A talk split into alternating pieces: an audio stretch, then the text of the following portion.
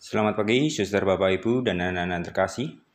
Marilah kita dengarkan sabda Tuhan dan tekun menjalankannya. Demi nama Bapa dan Putra dan Roh Kudus. Amin. Allah Bapa yang Maha Kudus, kami bersyukur kepadamu karena Roh Kudus yang telah Kau curahkan ke dalam diri kami. Ya Bapa, kami anak-anakmu berkumpul bersama untuk mendengarkan kehendakmu yang telah Kau nyatakan dalam kitab suci. Karena itu, kami kini mohon kepadamu, utuslah roh kudusmu untuk membimbing kami, agar kami dapat memahami kehendakmu yang tertulis di dalam kitab suci, dengan perantaran Kristus Tuhan kami. Amin. Inilah Injil Yesus Kristus menurut Yohanes. Dimuliakanlah Tuhan. Dalam percakapannya dengan Nikodemus, Yesus berkata, tidak ada seorang pun yang telah naik ke surga selain Dia yang telah turun dari surga, yaitu Anak Manusia. Dan sama seperti Musa meninggikan ular di padang gurun, demikian juga Anak Manusia harus ditinggikan, supaya setiap orang yang percaya kepadanya beroleh hidup yang kekal. Karena begitulah kasih Allah akan dunia ini, sehingga ia telah menganugerahi anaknya yang tunggal, supaya setiap orang yang percaya kepadanya tidak binasa, melainkan beroleh hidup yang kekal.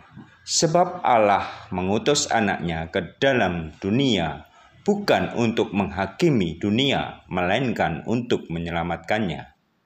Demikianlah Injil Tuhan. Terpujilah Kristus. Bacaan Injil hari ini sangat menarik perhatian kita karena dengan tema anak manusia harus ditinggikan. Suster, Bapak, Ibu, dan anak-anak yang terkasih dalam Tuhan, kita patut bersyukur dan berterima kasih kepada Allah yang sangat mengasihi kita dengan begitu besar.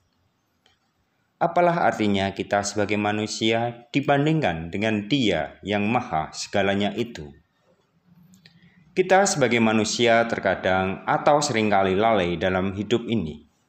Kita merasa Tuhan tidak mengasihi kita. Kita merasa Tuhan tidak menyayangi kita. Kita selalu mempertahankan Tuhan saat kita menderita. Kita jarang sekali menyadari kasihnya yang begitu besar dan tanpa batas kepada kita. Kita sering kali menyangkal kasih dan karunia-Nya karena kita yang sering jatuh berulang kali dan masuk ke dalam dosa yang sama, ke dalam kebiasaan yang sama. Yesus menegaskan kepada kita betapa Allah sangat mencintai dan mengasihi kita.